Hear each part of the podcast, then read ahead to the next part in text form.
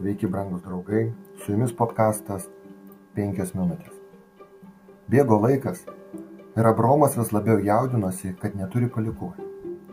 Jis nesvarstė paversti tarną Eleazarą savo įpėdiniu, kuris buvo patikimiausias jo tarnas.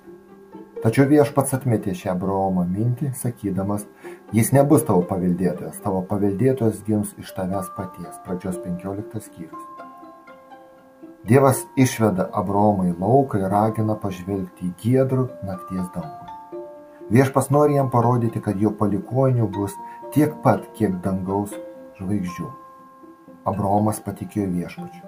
Nors tikimybė, kad Abraomas susilauks vaikų mažėjo proporcingai jo senėjimui, jis nedvėjodamas tikėjo, kad tai bus būtent taip, kaip sakė viešpats. Hebrajų kalbos žodis išverstas patikėjo, kilęs iš tos pačios šaknies kaip ir žodis amen, kuriuo mes pabrėžime savo troškimą, kad Dievas išklausytų ir atsakytų į mūsų maldas. Viešpats vėl kreipėsi Abraomą ir trečią kartą patikina, kad visa Kanano žemė priklausys jam, pradžios 15.7.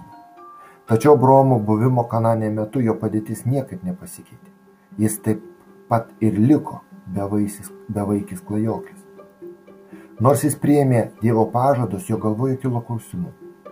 Ta diena jis paklausė Dievo, kaip bus, iš kur aš galėčiau žinoti, kad mano palikoni, kad man priklausys šis kraštas. Abromo klausimas nebuvo netikėjimo ar abejonių ženklas. Jis tiesiog iš viso širdies tengiasi pamatyti Dievo pažadą. Tada Dievas sudarė su Abromu sandorą.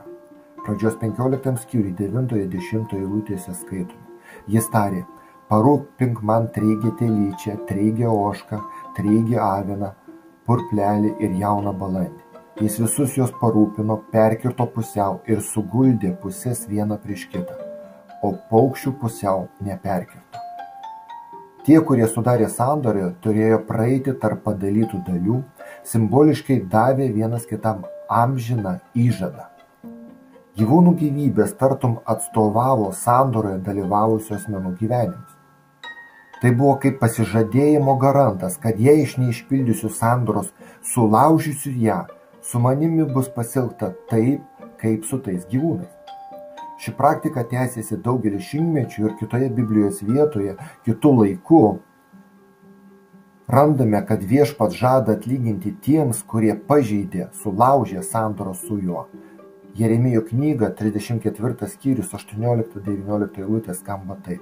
Su vyrais užlaužusiais mano sandorą ir nesulaikusiais mano akivaizdoje sudarytos sutarties įsipareigojimų, pasielgsiu kaip su veršiu, kurie jį perskurdė pusiau ir praėjo tarp abiejų pusių. Judo ir Jeruzalės didžiūnus, dvariškius kunigus ir paprastus žmonės, praėjusius tarp abiejų veršio pusių.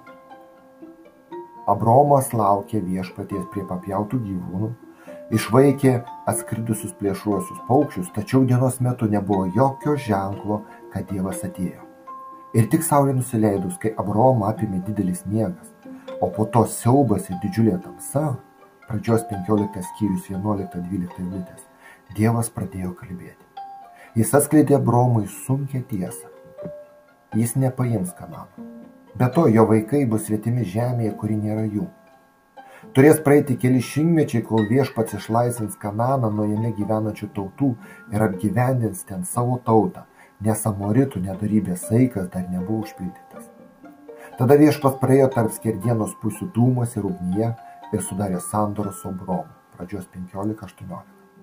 Ši sandoro be tiesioginės žemės paveldėjimo ir palikonių prasmės turėjo ir mesinę prasme. Žodis išverstas kaip sudaryti gali būti verčiamas kaip atskyrė. Taigi, kai Gabrielius paaiškina Danielių regėjimą, kalbėdamas apie ateinantį mesiją Danieliaus knyga 9 skyrius 26 eilutė, jis sako, Kristus bus nužudytas. Tai yra išversta lietuvių kalboje. Originaliai yra žodis, kuris skamba, kad mesijas bus atskirtas, panašiai kaip buvo supjaustyti sandoros gyvūnai. Toliau, toliau Danieliaus knygoje, kalbant apie Mesiją, sakoma, kad jis sutvirtins sandorą su daugeliu. 27 eilutė. Mėly draugai, Jėzus Kristus Dievo vienėlis, primdamas pasaulio nuodėmės, mirė ant kryžiaus. Jis yra tas, kuris, būdamas Abrono, Abromo palikonis, tapo palaima visoms tautoms. Šiandien jis kviečia visus, kurie jį tiki, prisijungti prie sandoros. Tada, kaip ir Abromui, viešpats įskaitys tikėjimą teisumo. Pradžios 15.6. Su jumis buvo podkastas 5 minutės.